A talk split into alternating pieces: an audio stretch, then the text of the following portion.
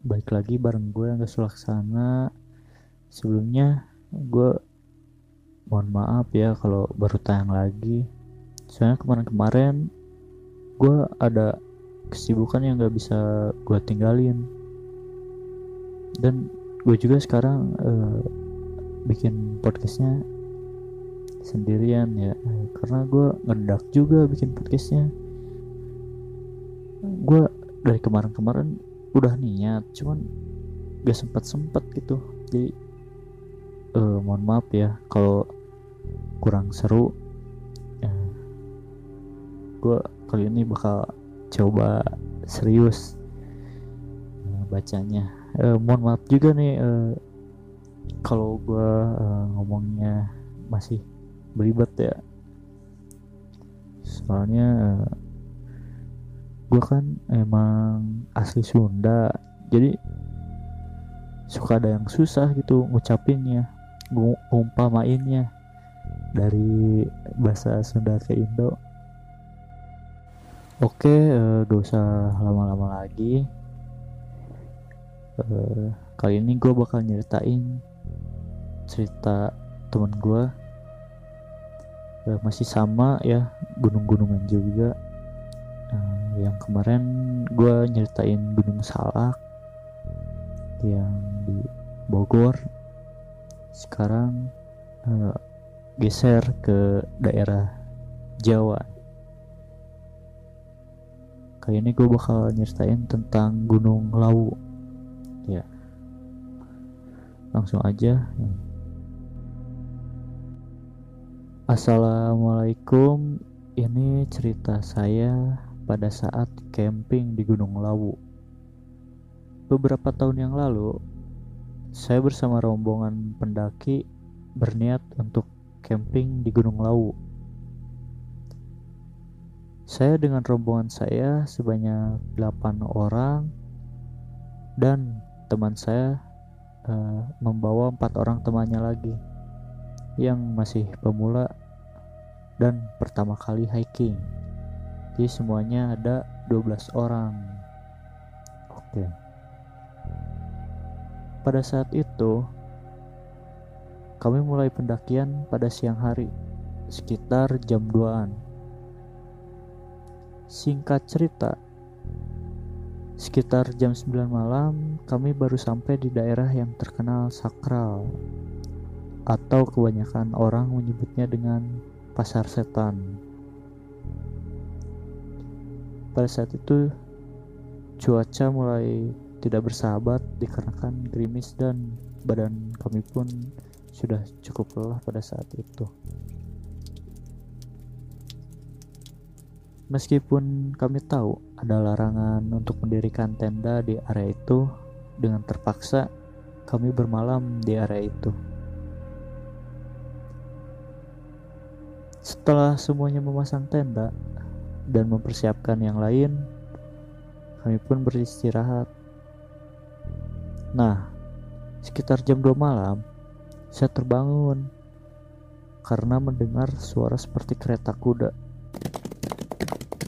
Suaranya seperti yang dipakai oleh tentara pada zaman dulu. Lu tau dari mana tentara zaman dulu pakai kuda? Lu juga baru lahir lanjut ya. Suaranya sangat jelas seperti mengelilingi tenda kita. Beberapa saat kemudian teman saya pun bangun dan dengar juga. Di situ suasana sangat mencekam. Semuanya pada bangun dan semua juga mendengar suara itu. Menurut saya Rasanya udah ada yang gak beres pada saat itu. Saya memutuskan untuk kabur pada saat itu dengan mengajak rombongan saya untuk kabur dari area itu dengan meninggalkan barang bawaan kami. Kami lari sejauh mungkin dari area itu hingga sampailah di warung yang terkenal dengan sebutan warung Boyem. Oh iya, atau warung tertinggi di Indonesia. Saat kami sampai di situ, penjaga warungnya bingung melihat kami berlarian di tengah malam.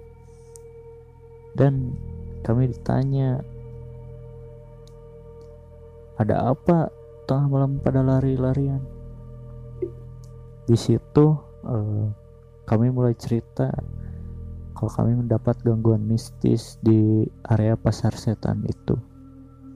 Terus kata si mboknya itu, kan sudah ada peringatan untuk jangan mendirikan tenda di area itu. Ya terus kami jelaskan karena kami kelelahan dan cuaca gerimis pada saat itu. Dengan terpaksa kami pun bermalam di situ dan akhirnya kami memutuskan untuk menginap di warung itu keesokan paginya eh, kami bangun dan bergegas untuk memeriksa barang-barang kami yang tertinggal pada malam tadi. Pas kami lihat barang-barang kami dan termasuk tenda sudah hancur acak-acakan tidak beraturan. Ya, kami positif thinking mungkin rusak karena angin. Karena angin apaan anjir? Orang lu dengar kuda ya, mungkin diobrak abrik lah ya. Karena saat mampu juga cuaca kurang baik. Oh iya benar. Lalu uh, kami bereskan barang-barangnya. Kami lanjutkan sedikit pendakian untuk menikmati pemandangan dan bergegas untuk pulang pada sore hari. Oke. Okay nih ya uh, mohon maaf sebelumnya nih pak. Jadi intinya lu gak camping pak. Orang lu aja nginep di warung. Lu tenda sama barang-barang lu tinggal. Diobrak abrik tuh sama kuda lagian lu bader banget udah tahu disuruhnya jangan di area itu. Malah maksain. Nah, bukannya lu pakai mantel atau apa gitu naik dikit uh, temu warung lu bikin tenda tuh depan warung tuh. Enak tuh. Lu kalau pengen masak mie tinggal beli deket. Ada lagian tuh ada-ada aja nah yang gue denger sih ya uh, katanya kalau uh, hiking ke Gunung Lawu itu diusahain sore itu udah sampai puncak. Uh, karena uh, apa kayaknya sih ya ini mah. Menurut gua biar kalau uh, malam itu udah nggak di area itu lagi. Terus eh, karena kan emang kalau malam eh, buat ngedaki itu eh, lumayan susah ya. Gue pengalaman dua kali hiking malam-malam. Uh gila pak lu tau gak udara dingin gunung uh, sama hawa panas badan lu capek gak enak banget gila. Mending uh, kalau siang kan masih ada angin gitu ya. Kalau malam itu udah hawa yang dingin bukan angin lagi oke lanjut ya masih ada sambungannya nih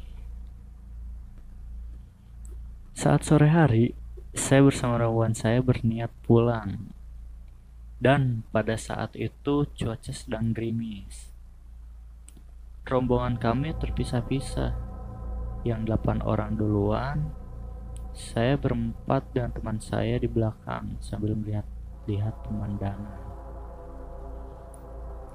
Eh, di tengah perjalanan sunyi gunung, salah seorang temannya teman saya yang masih pemula itu sebut saja si Y si Y ini melihat seorang kakek yang sedang mencari kayu bakar.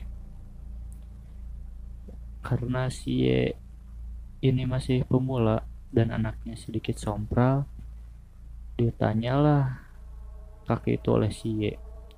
Lu ngapain lu tanya? Kek, ngapain hujan-hujan nyari kayu bakar? percuma kayu bakar basah gak bakal bisa nyala. Iya anjir. Goblok emang sompra terus lanjut tuh. Kami berjalan pada saat rombongan yang berdelapan udah sampai bawah duluan tiba-tiba saya ditelepon lewat HT oleh petugas di bawah bahwa satu orang temannya, si Ye, belum sampai bawah. Sedangkan si Ye ini padahal duluan jalan bareng mereka. Saat itu saya masih di atas dan saya bergegas mencari si Ye ini. Waduh, mana tuh si itu? Saya mencari ke mana-mana gak ketemu. Tiba-tiba saya bertemu seorang kakek sedang memanggul karung detailnya memanggul karungnya itu seperti pemulung botol bekas yang menenteng karung dengan sebelah tangannya di bahu. Oh iya, kebayang, kebayang. Kemudian saya bertanya ke si kakek itu, permisi kek, apakah kayak lihat teman saya yang memakai tas warna merah? Dengan tetapan kosong, kakek itu diam saja dan meninggalkan saya begitu saja.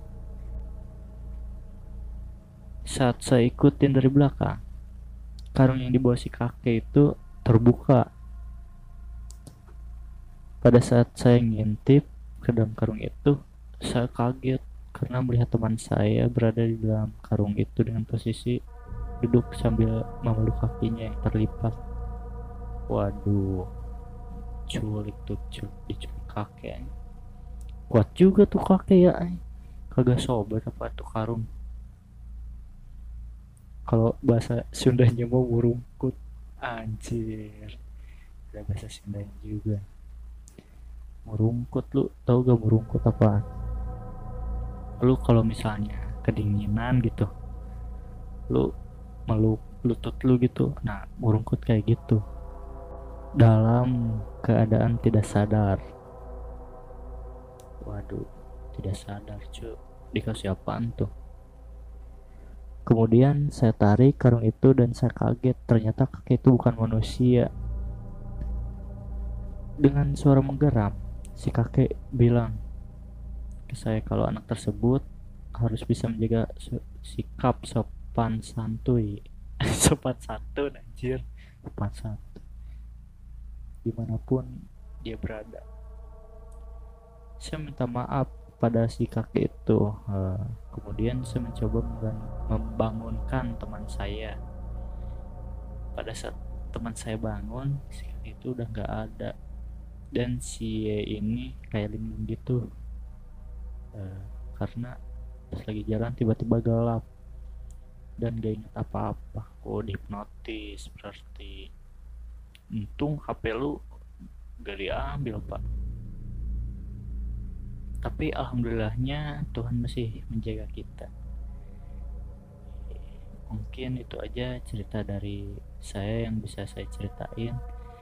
Mohon maaf kalau ceritanya kepanjangan dan nggak teratur. Makasih oke. Oh, berarti Gunung Lawu tuh ya. Uh, emang banyak sih yang gua tahu Gunung Lawu cerita-cerita di daerah apa pasar setan. Daerah pasar setan itu emang terkenal angker ya. Tuh uh, lagian uh, udah bukannya dikasih tahu dulu ya dari bawah itu temennya. Main tanya aja. Kayak ngapain gerimis gerimis goblok emang itu. Sompral uh, yang gue tahu uh, tentang pasar setan itu nggak cuma satu dua cerita doang ya. Banyak. Karena uh, pasar setan itu emang terkenal angker banget. Kan uh, pasar setan itu bukan cuman di Lau doang ya. Eh, di Merapi juga ada. Banyak lah ya manusia aja. Pasar bukan cuma itu itu doang lu bayangin aja lu pasar setan cuma di Lau setan Depok kalau belanja harus ke Lau dulu. Mahal ongkosnya pak. Iya. Uh, eh, gue masih bingung. Lu kan buat temen yang masih pemula ya? Itu bukannya lu kasih tahu dulu dari bawah kalau lihat apa-apa uh, yang sopan main ajak aja. Ya emang bener juga sih. Lagi jalan lihat kakek-kakek gerimis-gerimis nyari kayu bakar. Dia tanya. Kayak ngapain? Hujan-hujan nyari kayu bakar. Gak bakal nyala. Ya emang bener ya. Uh, tapi uh, ya mungkin emang benar-benar baru pertama kali. Karena gak bakal sadar kalau uh, kita lihat makhluk ya makhluk astral tapi nyerupain manusia. Gua aja nih ya pernah tuh gua uh, ngeliat tuyul. Gua gak bisa bedain itu tuyul sama manusia oh ya gua lagi naik motor nih tiba-tiba kesorot uh, lampu motor gua. Uh, tuh orang bocah pak. Bukan. Soalnya emang benar-benar bentuknya padat gitu solid. Kayak apa kayak orang biasa gini. Uh, sekalian gue juga mau nyertain pengalaman gue pas camping di Gunung Putri Lembang ya. Uh, jadi pas akhir tahun kemarin 2019 gue berlima itu rencana liburan nah biasa liburan akhir tahun. Gue berlima itu gua de gua depan apa ul aki will acepot gua berangkat sore dari sini sampai sana jam 8 langsung mendaki ya gua. Emang gak terlalu sulit juga sih medannya karena gak tahu gunung gak tahu bukit ya tapi banyak yang bilang itu bukit ya.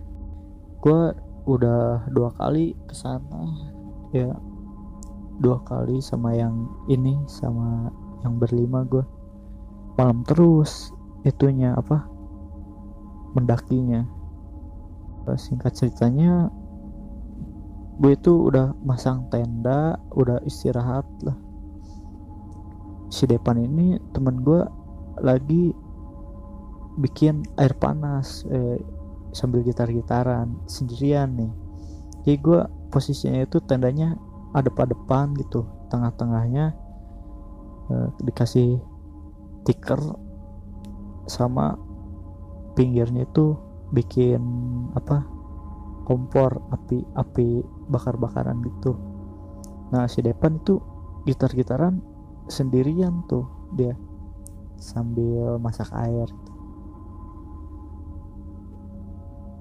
lagi asik-asik main gitar tahu-tahu dia loncat.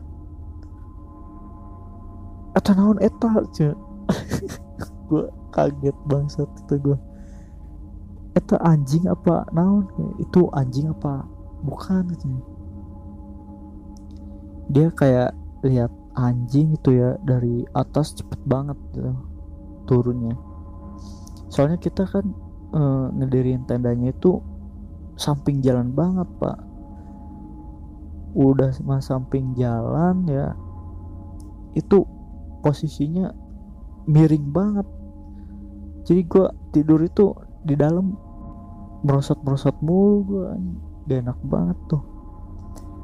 Nah iya pas si depan ini lihat itu dia langsung masuk tuh ke dalam tenda. Padahal itu posisi jam berapa? Jam 11 masih banyak kan pada di luar juga di tenda-tenda yang lain. Habis di depan masuk ya apa sama Acepot di tenda depan itu tiba-tiba nutup tenda tuh. Nah, tadinya kebuka nutup. Gua lihat yang lain udah pada tidur ya gua tidur. Pagi gue bangun lihat sunrise itu foto-foto. Pada cerita tuh emang gobloknya itu ceritanya masih di atas gunung bukan udah di bawah. Masih di atas gunung cuman pagi. Pada cerita uh, si Depan kan cerita pertamanya katanya dia lihat kayak anjing gitu. Kan harusnya uh, kalau misalnya kita ke gunung kalau lihat apa-apa itu jangan langsung disebut. Paling nanti kalau udah di bawah. Tapi ini si Depan refleks gitu. Kaget dia. Terus uh, dia cerita tahu-tahu apa sama cepot itu cerita. Kalau malam itu dia lihat bayangan hitam terbang depan tenda kita bolak balik terus abis itu nyaut akiwil tuh. Katanya dia dimimpiin. Dia mimpinya masih di situ lagi tidur tiba-tiba di luar itu dia lihat uh, apa cewek. Cewek pakai baju putih matanya bolong katanya gede bolong gede gitu. Dia lewat kiwi lihat katanya. Wah di situ gue pengen cepet-cepet turun. Tapi alhamdulillah gue dua kali ke sana gak pernah tuh gue uh, ngalamin kejadian-kejadian aneh.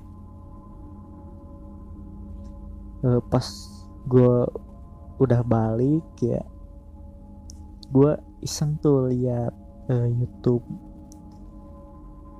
penampakan di Gunung Putri atau apa. Ada ternyata yang katanya hantu bunian kayak hantu eh bukan hantu bunian. Pokoknya setannya itu yang ngerayap gitu di tanah. Uh, hitam wah gua kaget. Ternyata bener yang si Depan lihat itu. Katanya si Depan ngelihat kayak anjing tapi ternyata bukan. Gila sih gua ada kapoknya sebenarnya naik ke gunung gitu. Kalau ingat kejadian-kejadian kayak gitu. Ya udahlah mungkin segini dulu podcastnya next episode insya Allah gue bakal tayang setiap malam Jumat ya. Tapi sekarang mah gue ini upload dulu. Ntar malam Jumat upload lagi kali. Kalau enggak minggu depannya lagi. Ya udah ya. Bye